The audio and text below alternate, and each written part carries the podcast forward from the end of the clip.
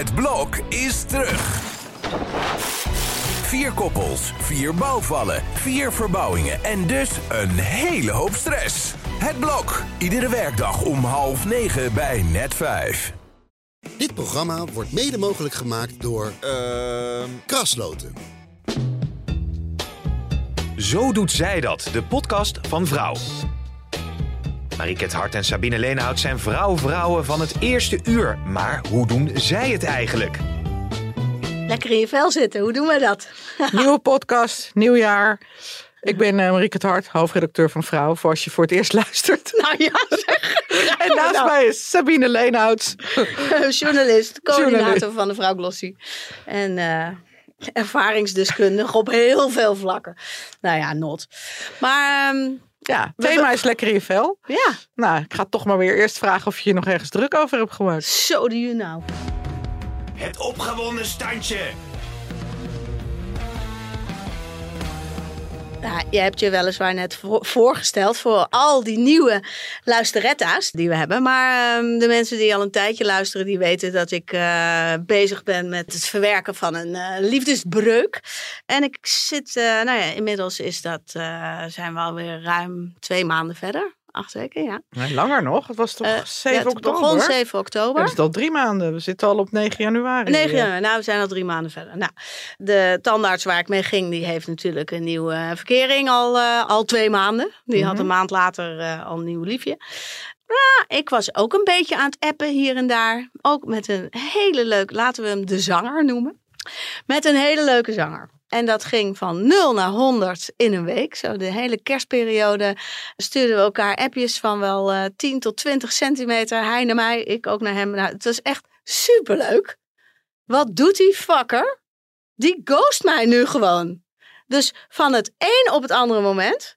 Hij is op vakantie gegaan. Hij is gewoon eh, op pad gegaan. Allemaal leuk. Dus ik heb nog contact met hem. Hij zegt, nou kun je morgen nog even naar Amsterdam komen. Ik ga vrijdag ga ik, eh, op pad. En ik zou het zo leuk vinden om je even te zien. En eh, la la la la la. Nou nee, sorry, ik kom niet naar Amsterdam. Want eh, ik, heb afgesproken met andere mensen. Dus eh, doei. Dus ik kom niet. Nou, ik weet niet of dat de reden was, maar eh, daarna was het wel eh, klaar met de pret. En, eh, en ik was, eh, naast dat ik het gewoon best wel onbeschoft vind dat je niet meer appt, eh, voel ik me ook zo'n debiel. Want ik, ik, ik ben toch een beetje, nou, Maar echt na die keer dat jij zei, ik kan niet, heeft hij niks meer laten horen. Nee, hij heeft nog wel wat laten horen. Hij heeft, hij heeft, eh, ik heb nog tegen hem gezegd, eh, nou, heel veel succes met alle, alles inpakken en goede reis en ehm, ik spreek je. Of nee, dat zei ik niet eens, want het was namelijk iedere paar uur was er wel weer een app. Mhm. Na dat moment was er even geen app. Ja. Dus ik weet, hij is naar eh, zijn vakantiebestemming gereden met zijn kinderen. Weet je, hij heeft het ook gewoon druk, hè? Mhm. Dus dit gebeurde op de 29e. En dan op Oudjaarsdag heb ik hem geappt. eh, ben je oké? Vraagteken, smiley. Ik dacht, ja, weet je, voor Mhm. hetzelfde geld is hij naar een ravijn gereden, weet ik veel. Ja. Ja, als je zo gewend Ja. bent dat iemand de Mhm. hele tijd contact Mhm. met jou eh, onderhoudt en nu ineens niet. Nou, daar kreeg ik een dag later, eh, toen is het, eh, was het oud en nieuw. Toen heb ik om half twee s'nachts maar even Happy New Year naar hem gestuurd. Ja. Daar reageerde hij dan wel een half uur later op. Ja, jij ook morgen even bellen? Vraagteken. Nou, ik zei ja, leuk.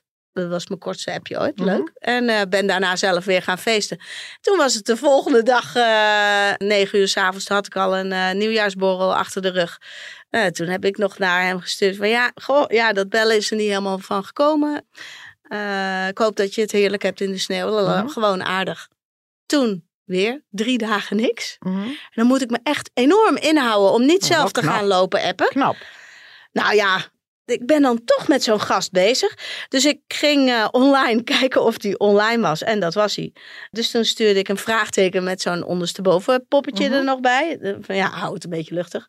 En daar eh, reageerde die eh, s s'avonds op. Hey, sorry, ik was twee dagen hartstikke ziek en dit en dat. En nou, weet ik veel, flauwkul, zei ik verhaal. Daarna was het stil. En toen heb ik afgelopen maandag eh, heb ik, eh, hem gestuurd. Joh, hoe, hoe gebeurt dit nou? Hoe gaan wij van 0 naar 100 in een week? En eh, daarna in een week weer van 100 naar 0? Wat is er gebeurd? En toen? Niks. Nee. Ja. Maar is er niet gewoon een andere juffrouw?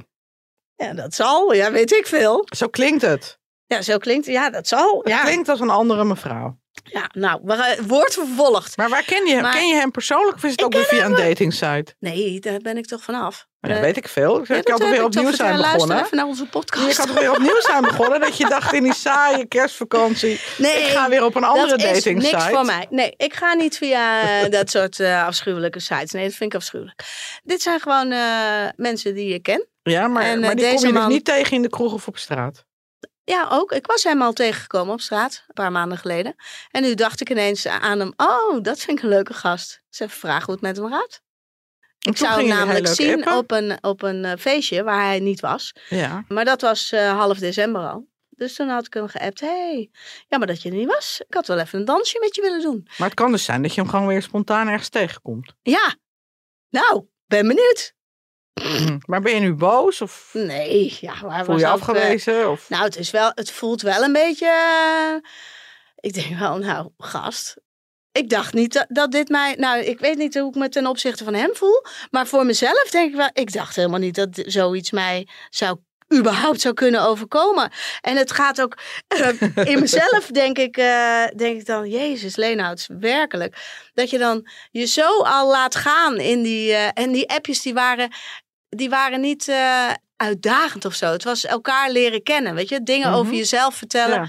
En hij is ook nog copywriter. Dus hij schrijft ook nog superleuk. Mhm. Het is e- dat was echt super grappig. Ja, en van de een op de andere dag eh, was dat dan weer klaar. Nou, wat jammer. Ja, jammer. En, eh, ik vind je- het ook echt wel een beetje jammer. Ja, want het is echt een. Ja. Hey, en heb je nog meer ijzertjes in het vuur? ja, er ligt nog wel een ijzertje in het vuur. Maar dat is niks... in ieder geval nu eh, totaal niet romantisch. Ik zou het er wel mee kunnen. Ja. Hij ook met mij, zegt hij. Mhm. Maar Oké. nou, die houden we nog even in het Goed, vuur. Daar we ga ik gaan nog naar wel een keer thema. over vertellen. We gaan naar het thema. Ja. Lekker in je vel. nou, Sabine, nieuwjaar, goede voornemens? Ehm, nou, daar was ik natuurlijk eigenlijk al een beetje mee begonnen. Hè? Met mijn eh, eh, nieuwe visie op eten. Mhm. Nou ja, we zijn ehm, een vrij vreedvol f- feestmaand doorgekomen. Nou, het zit nog steeds op eh 72,8, 72,9, soms 73,1. Blijf op gewicht. Keurig. Ja. Dus je bent niet enorm aan de zuip gegaan. eh. Ja, wel. Maar ja, dan moet je niet zoveel eten. Het is echt het een of het ander. ja. En daar gaat onze hele challenge natuurlijk over. Mhm. Ehm, dat het toch de psychologie achter het eten is. En niet per se, eh, nou je mag eh, een bepaalde periode, mag je alleen maar dat en dat en dat en dat eten. Nee, je moet er toch anders naar gaan kijken. En eh, onze andere vriendin van de show, Mieke Kosters, die heeft daar natuurlijk ook echt wel een mooie visie op. En sinds ik haar begin ehm, juli of zo geïnterviewd heb en ook haar boek, wat recent uitgekomen is, daarover gelezen heb, eh, ik er toch een beetje anders in de wedstrijd. Voor het eerst. In best wel lange tijd. Nou, wat fijn. Ja. Want je had ook inderdaad kunnen zwelgen in, eh, in de pinarotjes. Ja, maar zeker. wat. Ja, maar dat, ik weet dat ik me dan daarna nog kloteriger voel. Ja, Het is al niet zo'n eh, zo'n feest. in Voor wie eh, eh, de Lekker in je Vel Challenge niet kent, we doen dit al jaren. Meer dan tien jaar hebben we elk jaar de Vrouw Lekker in je Vel Challenge. Waarbij we dus met lezeressen, het zijn er meer dan 32.000 die zich hebben aangesloten. Via de Facebook-site Lekker in je Vel bij Vrouw. En elk jaar hebben we daar een andere deskundige voor, die gaan we ook zo bellen. En wat we dus doen is dat, eh, nou ja, je krijgt dus elke week een weekmenu met een boodschappenlijst erbij. Ja, daar kun je je aan houden of je kunt er je eigen draaien aangeven. Maar heel veel mensen vinden het fijn om dat soort eh, handvatten te krijgen en een Mhm. beetje houvast te hebben. We geven tips hoe je inderdaad, eh, als je een rotdag op je werk hebt gehad of slecht nieuws of eh, weet ik veel wat, eh, ja, dat je dan jezelf niet gaat troosten met eten, maar eh, op een andere manier eh, eh, ja, de emoties te lijf gaat. Ja, want dat is natuurlijk wel een probleem. Hè? Dat heel veel vrouwen, en mannen misschien ook wel, veel te veel eigenschappen aan het eten toekennen. Dus eten wordt eh, troost of iets tegen Ja. verveling of een maatje in de vermoeidheid. En eh, ja, eten is echt niets meer dan brandstof. Maar dat moet wel een keer in je hoofdje klikken. Maar dat vond ik ook wel leuk aan het boek. Want ik ben nu nou ook het boek van Mieke Kost aan het lezen. Ik vind het echt zo knap. Dat gaat dus eh, tientallen pagina's over de arme ik. En zij schrijft dus ook van dat je dus op een feestje bent. En dat je denkt van ik wil eigenlijk en wijn en chips en bitterballen en die toastjes met kaas. En, maar ik mag dat niet. En dan, Mhm. ja, dat is dus de arme ik. Oh, ik mag dat niet. Arme ik blijft Arme ik. te dik. Precies. En dat ze zegt van ja, oké, je kan ervoor kiezen om dat allemaal te nemen, maar zeur dan niet en dan blijf je gewoon dik en hou er dan ook al voor op. Accepteer het gewoon dat je te Mhm. dik bent Ja. en ga er lekker mee leven. Wil je dat niet, dan moet je niet denken, ik mag dat niet, maar ik wil dit niet. Nee, ja, en of ik neem dit nog niet. een stapje verder, want, want dat dacht ik de eerste keer dat ik dat las, dacht ik, wat zeg je? Ik kies ervoor om slank te zijn. Ja, slank is, eh, eh, hoort dus niet bij de overtuiging. Ja, maar ik ben nou eenmaal een Bourg- Bourgondier. Of ik hou nou eenmaal van lekker eten. En als ik niet meer lekker eet, dan eh, is mijn leven niet meer leuk. Ja, het zelf? Dat is een beetje een gekke gedachte. Ja, weet je, de helft van de volwassen Nederlanders is te dik. Ja. Dus ik denk, hè, volgens BMI-normen, Mhm. dus ik denk dat heel veel mensen dat dan toch lastig vinden om te weerstaan. Ja, ja. Maar ik denk dat er ook een heleboel mensen niet op deze manier mee be- bezig zijn. Hè? Want er zijn echt zat mensen die eh, overgewicht hebben, maar die zelf dat gewoon koppelen aan ouder worden. Die denken niet, eh, oh jee, nu ben ik te dik. Dus nu ben ik minder dan dat ik was. Of eh, nu moet ik me rottig voelen omdat ik dikker ben. Nee, dat is Maar dat bij- hoeft toch ook niet? Nee, maar je dat hoeft is toch niet rot te voelen omdat je dikker bent? Nee, nee, nee, maar dat is bij heel veel mensen die aan het afvallen zijn, die wij in de challenge hebben, is dat wel het geval. Dat is bij onszelf ook het geval. Wij zijn best wel lang arme, ik blijf te dik geweest. Ja, ik moet nu toch. Nee, ja, mm, zeg ik dan voor, over mezelf. Nee, dat mag ik niet. Dat mag ik niet. Dat mag ik niet. Dat heb ik jaren gedacht hoor. Mhm. Ja, dat denk ik eigenlijk al langer niet meer. Maar eh, eh, dat is wel zo geweest toen ik Ja. jonger was. Maar goed, dat is dus wel een andere mindset. Ja, Nou, laten we Evelien even gaan bellen, want ik ben heel Ja. benieuwd wat zij daarover Leuk. te zeggen heeft. Hey Fine. Hey Evelien, met Marika. en Sabine, hallo. Hoi. Nou Evelien, jij bent eh, dit jaar de dieetpsychologe van vrouwen, onze deskundige. We zijn eh, eh, nu net een paar dagen geleden eh, vol van start gegaan met eh 32.000 eh, lezeressen. Hoe vind je dat het gaat tot nu toe? Ja, hartstikke, hartstikke leuk. Het zijn er inmiddels zelfs al eh, 33.000, zag ik. Mm. eh. het zijn eh, heel veel eh, enthousiaste dames die meedoen. We hebben gisteren de eerste live sessie gehad. En eh, nou ja, we zijn super van start gegaan. Ja, fijn. En wat is jouw eh, methode? Nou, eigenlijk is mijn methode juist kijken van wat past bij jou. Want wat wij vaak geneigd zijn, is dat we een, een dieet gaan, ehm, gaan uitzoeken. Dat gaan we klakkeloos overnemen. En vervolgens staan we er eigenlijk van te kijken dat we niet vol kunnen houden. Mhm.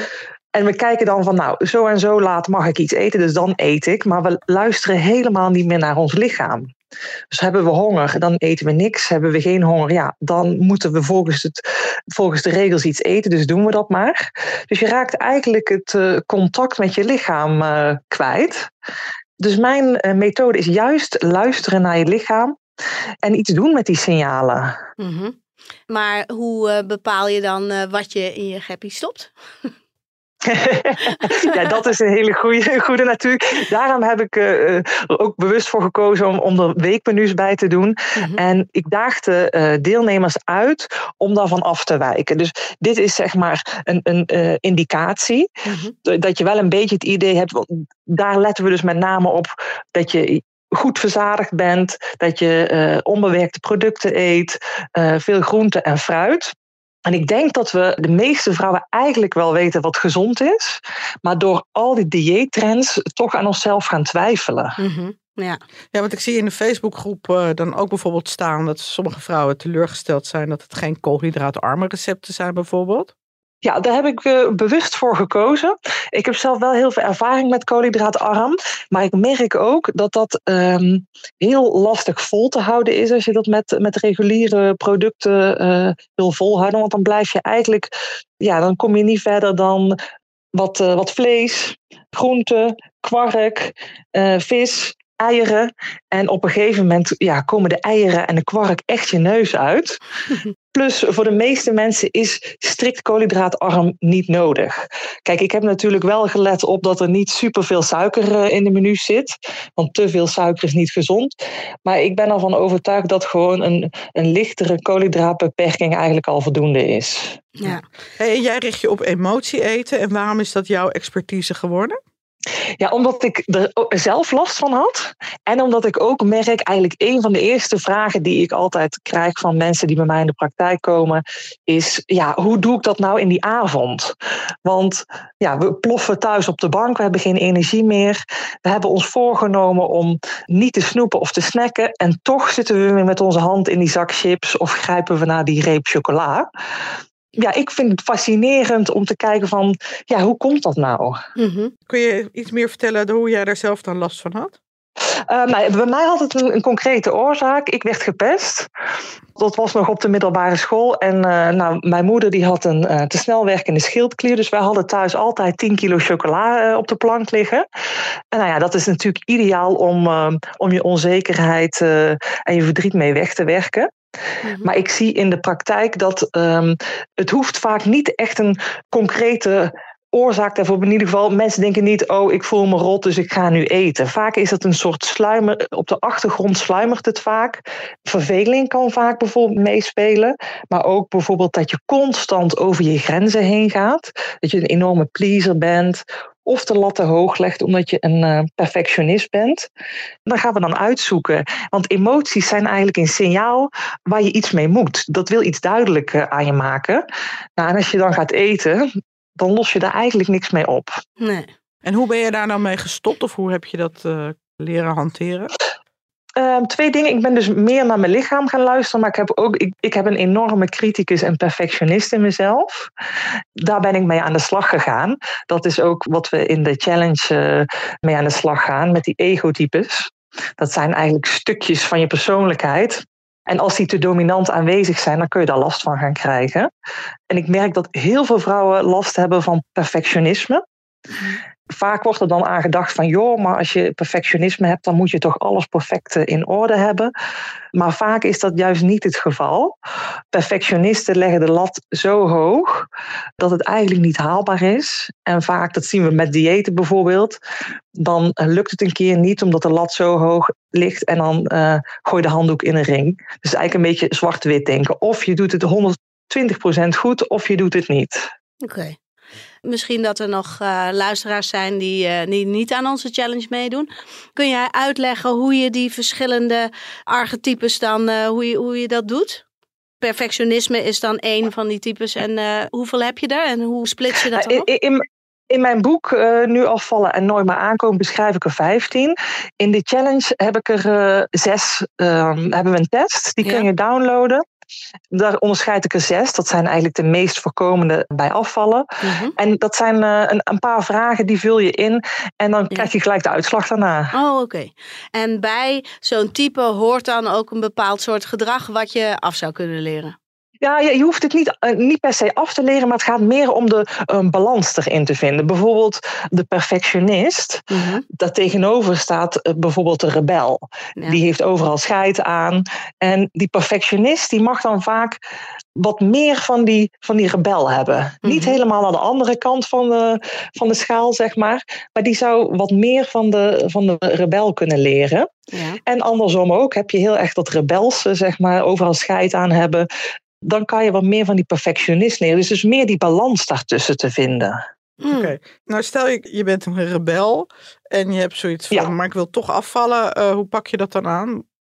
Als je een rebel bent, dan heb je vaak echt een hekel, een lak aan, aan regels en dingen die moeten. Alles waar het woordje moeten voor staat, dat uh, roept heel veel weerstand op. Dus in dat geval zou je bijvoorbeeld met deze challenge de, de weekmenu's kunnen zien als inspiratie en niet als gouden standaard. Want een rebel denkt alles wat ik moet of wat ik precies moet volgen, dat keurt hij af. Dus die zou bijvoorbeeld kunnen zeggen, nou ik ga eens kijken van welke recepten bij mij passen en die ga ik maken. En ik pas de weekmenu zo aan, zodat ik me erin kan vinden. Mhm. Oké. Ja, nee, dat snap ik. Maar uh, ik En, en voor de perfectionist is het eigenlijk juist weer de uitdaging om te zeggen van ik hoef het niet perfect te gaan volgen. Ik mag er ook wat van afwijken. Mhm. Want perfectionisten vinden weekmenu's weer heerlijk. Nee, maar dat snap ik. Maar stel je bent een emotieeter. Je komt thuis, je hebt een rotdag gehad op je werk of eh, wat dan ook. En ik zie jou bijvoorbeeld op een foto met je hand in een zak chips. Hoe zorg ik dan Ja. dat ik niet die hele zak leeg eet? Ja, het is eigenlijk eerst bewust worden van waarom ga ik nu eten? Want die emotie die wil jou iets duidelijk maken. Dus eigenlijk is de kunst om even uit te zoomen en te kijken van waar ben ik vandaag over mijn grenzen gegaan? Misschien ben je ergens enorm ongefrustreerd. Dus het begint eigenlijk met het herkennen. En daar kun je vervolgens kijken van hé, hey, wat, wat kan ik daar vervolgens mee? Want het heeft vaak helemaal niks met eten te maken.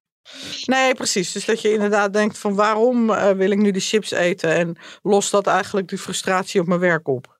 ja, soms kan het veel eh, helpen om bijvoorbeeld te kijken van hé, hey, hoe kan ik het morgen op mijn werk aanpakken? Ja. En vooral ook er niet van uitgaan dat het meteen goed gaat. Dan, eh, dit is echt oefenen. En de kunst is eigenlijk om er meer een balans in te krijgen tussen. eh, want ik zeg niet dat je nooit meer gaat emotie eten. Maar het is meer die grip erop krijgen. Van joh, ik weet nu eh, waarom ik eet. En eh, daar ook niet zeg maar, jezelf voor afstraffen. Ja. Even afsluitende vraag, maar wat zie jij nou in je praktijk en, eh, en in het algemeen? Wat is nou de, de meest gemaakte fout door mensen die af willen vallen en waar het dan steeds niet bij lukt? Wat, wat gaat er nou het vaakst mis? Ehm, de lat veel te hoog leggen. Dus veel te streng. Mensen zijn super gemotiveerd omdat ze willen afvallen. Gaan dan heel streng diëten. Soms zelfs nog strikter dan het dieet voorschrijft. Mhm. En ja, vervolgens lukt het niet. Omdat ze bijvoorbeeld enorme honger hebben. Mhm. En zijn dan boos op zichzelf dat het niet lukt. Ja, En komen dan in zo'n negatieve spiraal terecht. oké. Dan krijgen ze, nou ja, fuck it. Nu Ja, maakt het toch niet Scheid uit. eraan. Ja, Ja. oké. Ja, ja, dat is de scheid aan Sonja. eh, diegene die dat bedacht heeft, is een enorme rebel. En vaak, eh, vaak helpt het juist om die lat wat lager te leggen. Oké. Nou ja, het is wel duidelijk dat de, de psychologie achter het geheel eh, is nog bijna belangrijker dan, eh, dan het weekmenu, zeg maar. Dus Ja. je moet echt even met jezelf aan de slag. Waarom doe ik dit nou? Waar, hoe kan ik dat veranderen? Misschien dat ik andere dingen aan moet pakken in mijn leven, zodat ik meer eh, controle en regie over mijn eigen eetgedrag krijg. Dus het is meer die richting. Toch? Ja, ja, ja, ja precies. Dat, eh, vaak heeft het eh, emotie eten niks met, eh, eh, met eten aan zich te maken, zeg maar. Nee, precies. Ja, en daar gaan we in de volgende live sessie ook verder op in. Nou, Die is ja, leuk. Komende maandag? 15, eh, ja, 15 januari Oké, top. Oké, om top. 8 uur. Oké. Nou, ik wens jou en eh, iedereen die de challenge doet eh, heel veel succes de Ja. komende weken. Mocht je nog mee willen doen, Ja. je kan altijd instappen. Kijken op www.vrouw.nl schuine streep lekker in je vel. Ja. Nou, dankjewel voor je tijd en je inzichten. En eh, gaan wij verder Ja, met de podcast. graag Heel veel gedaan. succes. Ja. Doeg. Heel veel succes. Dank. Doeg. Dag. Ja, het klinkt zo simpel, hè? Ja, was het maar zo simpel. Hè? Maar goed, ik kan me ook voorstellen als je zo gewend bent. En daar hebben wij natuurlijk de afgelopen tien jaar ook wel aan meegedaan. Dat we weekminuutjes, eh, nou als je, als je nou hier even lekker Ja. aan houdt. Dan ben je over eh, vijf weken vijf kilo lichter. Ja. Vervolgens ehm, ja, vreet je het er allemaal weer aan. Dan kan je volgend jaar weer meedoen Maar we hebben het ook wel eens zonder weekmenu's gedaan. Hè? Of dat we Ja. zeiden, nou op donderdagavond mag je het zelf weten. Daar werd niet heel positief op gereageerd. Nee, omdat Mensen vinden het heel fijn om een beetje aan de hand te worden. Ja, ja, precies. Maar dat is nu eigenlijk aan het veranderen. Omdat we steeds meer te weten komen over diëten. En over hoe het nou daadwerkelijk werkt. Dat je ja, het bijna niet meer kan verkopen. Nou ja, kijk wat Evelien ook zegt. Zie het als inspiratie. Weet je wel, je gaat dit vier weken doen. Dan heb je een beetje een gevoel van, nee, dit zijn verzadigende voedingsmiddelen. Zo krijg ik toch genoeg groente, genoeg fruit binnen. Dus eh, ja, ik ben een beetje geïnspireerd. En daarna nou, moet je het toch zelf gaan doen. Ja, ja, want de bottom line is gewoon dat als je minder verbrandt dan dat je erin stopt, dat je aankomt. Ja, Ja, dat is ook punt. zo. Maar Ja. goed, kijk, dan kan je ook zeggen, dan eh, leef ik de hele dag op kaas en wijn. Dan val je ook af. Maar dat is natuurlijk niet heel gezond. Nee. Nee, ook dat. Nee. Ja, volgens mij, je kan toch ook een frikandellen-dieet doen? Dan eet je alleen maar frikandellen. die hebben we ook eens een En, gehad. eh, maar dat is dan het enige wat je eet. dan val je dus vanaf. Nee. Natuurlijk. Maar ja, dat is omdat het ook heel eenzijdig is. Ja, En het gaat er inderdaad om dat je minder calorieën binnenkrijgt dan dat je verbrandt. ja. Maar goed, ik vind het wel eh, goed dat, dat je gewoon toch een beetje een leidraad krijgt voor, eh, nou ja, dit is gezond. eh, zeker voor de eerste paar weken. ja absoluut. En overigens, wat ik er nog wel even bij wil zeggen, is van, eh, eh, je kan natuurlijk ook zeggen, daar hadden we net ook al gezegd, van hallo, ik ben 10, ki- misschien volgens de normen 10 of 20 of 30 kilo te zwaar. Maar ik zit eh, prima in mijn vel, hè? je hoeft van ons niet af te vallen. Nee, zeker niet. Nee. Maar wat vind jij er dan van dat er eh, ook wel eh, body positive, eh, echt super zware vrouwen promoten dat dat dan ook allemaal goed en prima is? Ik weet niet of ik dat zo nee, fantastisch vind dat niet, hoor. eh, maar waarom zouden ze het niet mogen doen? Nou, omdat we weten toch allemaal dat je hart- en vaatziektes krijgt en eh, ehm, dat er allerlei gezondheidskwalen ontstaan als je ruim overgewicht Is hebt. ook zo. Ik ben het er 100% mee eens dat je andere mensen niet moet veroordelen omdat ze eh, dikker eh, zijn eh, dan de norm. Mhm. Maar ehm, het verheerlijken vind ik weer het andere uiterste. Hm. Weet je, dikke kinderen op school worden gepest. Dikke mensen hebben meer moeite om een leuke baan te vinden. Hebben meer moeite om vrienden te vinden. Hebben meer moeite om een relatie te vinden. Dus je- Ja, maar dat komt omdat ze afwijken. Ja, en maar bovendien wordt dik zijn ook wel vaak als zwak gezien. Als een soort zwaktebod.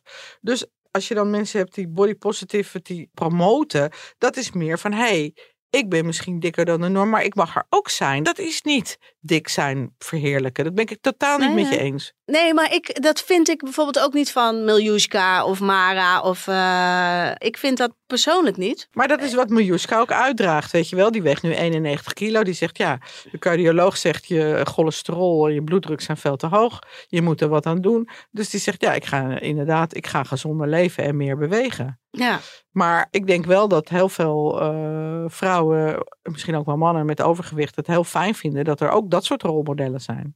ja dat geloof ik ook. Maar als je het als voorbeeld neemt, hè, die, die vrouw die, die worstelt met die 10 kilo bijvoorbeeld. En die ziet dan eh, zo'n prachtige Miljuska of een andere volle vrouw eh, die als rolmodel gezien wordt. En die denkt, ah joh, het is allemaal niet zo erg. En pff, ik ga gewoon door op Ja. deze voet. En die kampt uiteindelijk dan wel met een te hoge bloeddruk, met eh, eh, andere gezondheidsproblemen, die één op één terug te eh, koppelen zijn aan dat overgewicht. Ja, maar ja, in bijna alle films, moet je maar eens goed naar films kijken, bijvoorbeeld op Netflix. In bijna alle films wordt gerookt. Bijna allemaal. Ja. Weet je wel, dan moet je ook zeggen van ja, krijgen mensen ook onbewust dat voorbeeld mee. Dat je leuk bent, stoer, knap, wat dan ook, als je rookt. Mhm. Ja, Ja, Je kan ook- zeggen volwassen, volwassen maar in films massaal. Je kan ook zeggen volwassen mensen kunnen toch hun eigen keuzes maken. Ja, ja, dat kan je zeggen.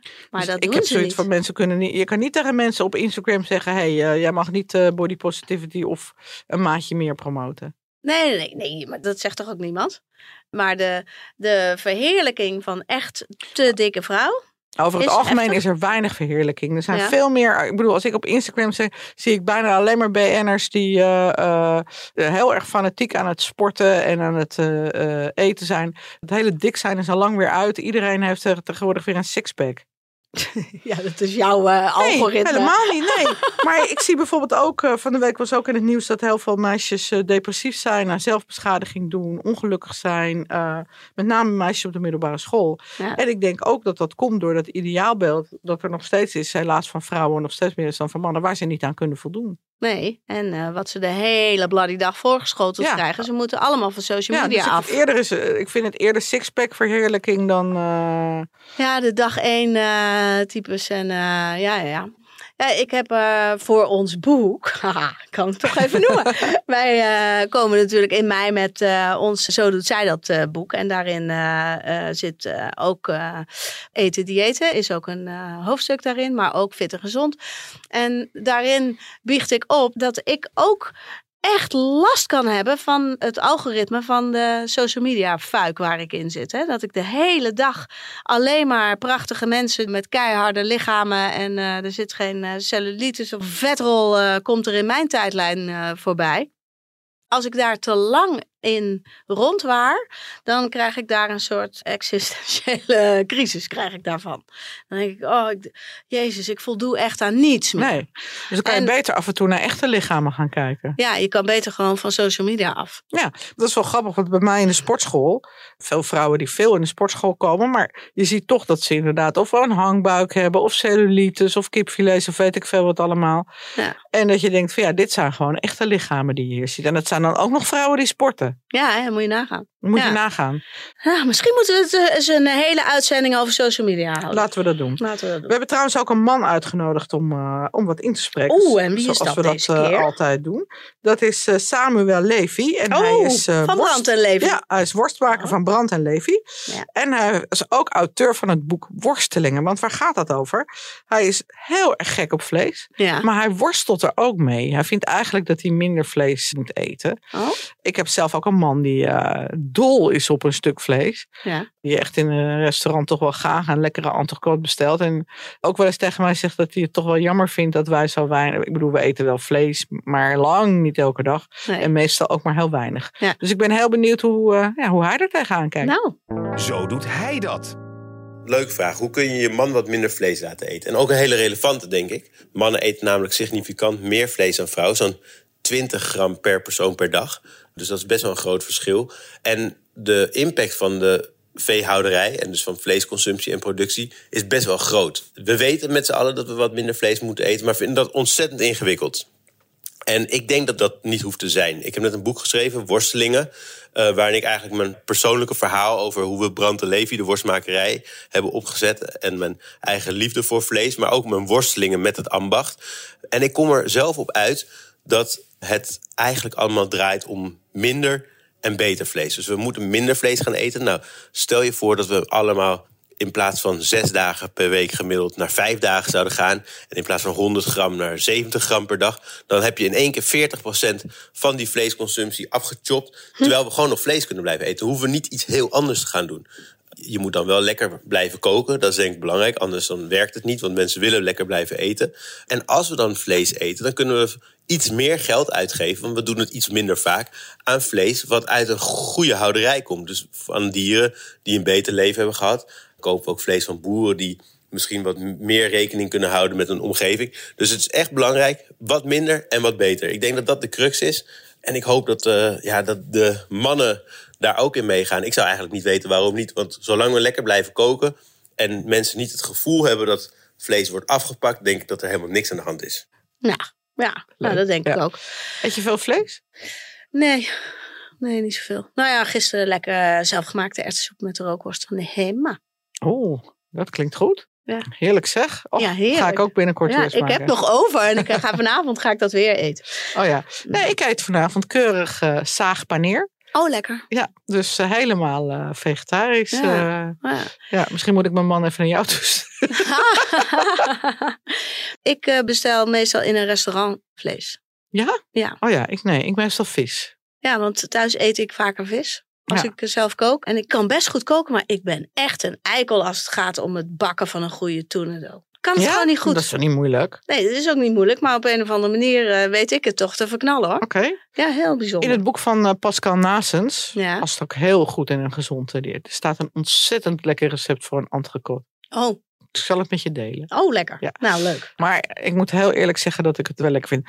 Hè, jij bent nu 10 kilo afgevallen. Dat hou je ook vol. Dat vinden de meeste mensen moeilijk. Mhm. Heb jij echt dingen veranderd in je eetpatroon? Ja, absoluut. Dus kun je wel eens wat dingen noemen? Nou, daar kunnen we even naar de opgebiecht. Opgebiecht. Sinds ik dus zo op mijn eten aan het letten ben, begint mij echt op te vallen hoe mijn wat dikkere vriendinnen het anders doen dan ik. Oké, vertel. Die scheppen namelijk een tweede keer op. Mhm. Op het moment dat er een nagerechtje is, neem ik gewoon echt één hap of zo, even voor hoe het, hoe het smaakt. En zij eten het helemaal op. Of als het taart is, dan zeggen zij, eh, oh lekker, nou klein puntje hoor. En ik denk, ja, loze calorieën, Mhm. eet het gewoon niet op.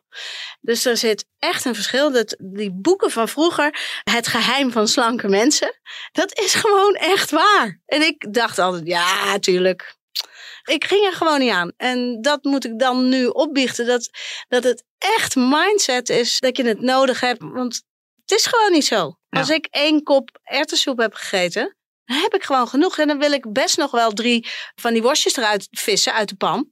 Want het is toch mijn pan.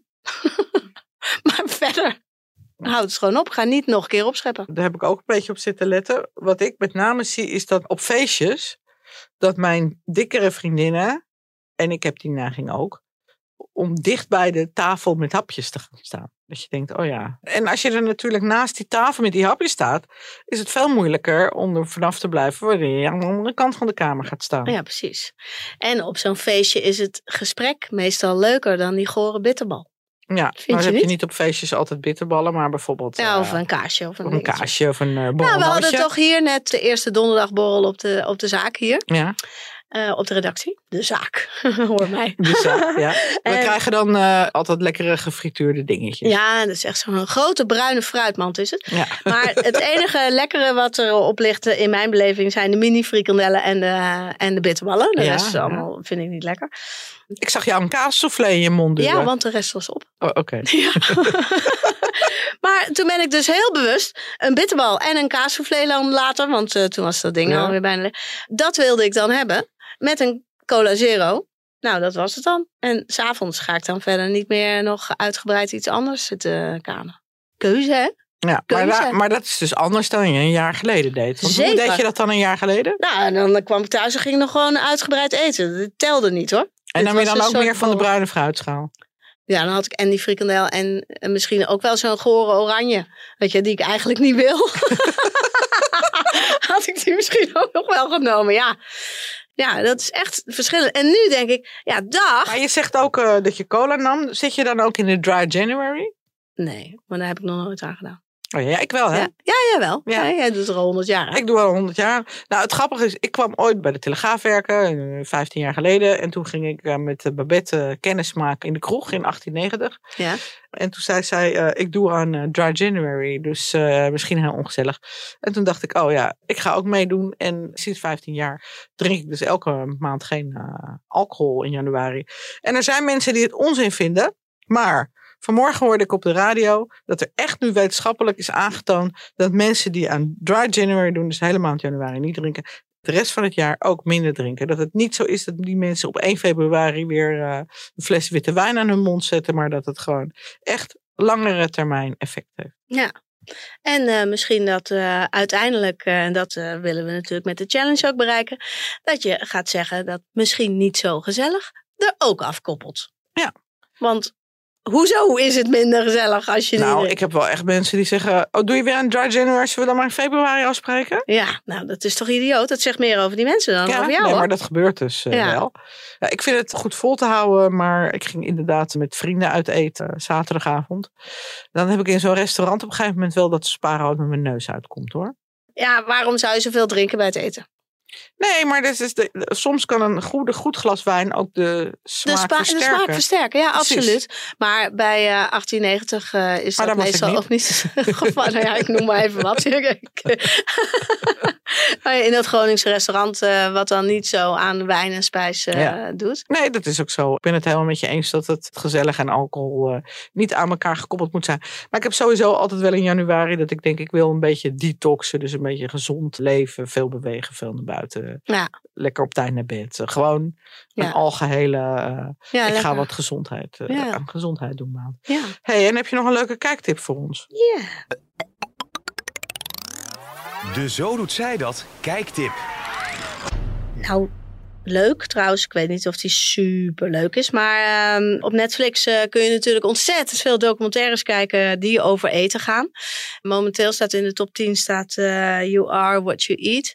Een vierdelige docu die ik ook bekeken heb, die tweelingen volgt. De ene helft van de tweeling die eet totaal veganistisch, de andere eet wel vlees. En daarna gaan ze allerlei metingen doen. Nou, daar komt dus echt wel uit dat veganistisch eten voor ons menselijk lichaam gezond is. Daar komen resultaten uit die verrassend zijn. Nou, denk ik dat, dat ik ging even kijken wie dan de documentairemakers zijn. Die hebben ook wel belang in die veganistische hoek. En dan kan je je vraagtekens zetten bij Hoe objectief eh, is het? hoe objectief het is. Maar omdat er zoveel verschillende documentaires over eh, verschillende soorten eten zijn, Mhm. is het misschien wel leuk om er ook meerdere te kijken. Ja, ik Als vond je- het wel een beetje. Ik heb hem ook gekeken, maar ik vind het wel lang duren. Dat ik denk, pff, Ja, maar vier afleveringen. Maar dat vind ik überhaupt bij heel veel televisieseries en films ook tegenwoordig. alles duurt dat zo ik lang. denk, alles duurt zo lang. Het kan ook in de helft van de tijd, jongens. Waarom moet ik zo lang daarnaar kijken? Had ik al gezegd dat ik eh, Le Pot au Feu eh, gezien heb? Nee, ja, heb je misschien vorige keer wel gezegd. In ieder geval in de bioscoop. In de eh, bioscoop heb ik dat gezien? Ja, dat is, die gaat natuurlijk ook over eten. En dat is meer over de bereiding. En, hoe, en, en dat is een heel mooi verhaal. Le Feu. Ook een leuke om even te kijken. Nou, wil je iets heel anders eh, kijken? Op nummer 1 in films op Netflix. La Sociedad de la Nieve. Ik hoop dat ik het goed uitspreek. Dat gaat dus eh, over het vliegtuigongeluk in de Andes in eh, 1972. Er gaat een rugbyteam eh, op weg van Uruguay naar eh, Argentinië om daar te rugbyen. En het vliegtuig stort dus neer op de grens van Chili en Argentinië. Het is echt een mega spannende film, want eh, uiteindelijk gaan ze dus elkaar opeten. En dat is ook echt Ja, gebeurd ja. om in leven te blijven. Ja, Maar ook deze film duurt een beetje lang. Dat is het enige nadeel. drie uur. Nou, tweeënhalf zie ik nu. Voor mijn gevoel weer, eh, was het eh, drie uur. Leuk. Nou ja, Nou goed, mocht je mee willen doen aan de Lekker in Veld Challenge... eh, nou ja, kijk dan op onze website of op onze Facebook-site. Mhm. Eh, vond je dit een leuke podcast? Geef ons dan een paar sterren in je favoriete podcast. ja, echt alleen als je hem leuk vond. Echt alleen als je hem leuk vond. En over twee weken zijn we er weer. Oké, Doeg! dag dag. Dit programma werd mede mogelijk gemaakt door Ehm Krasloten.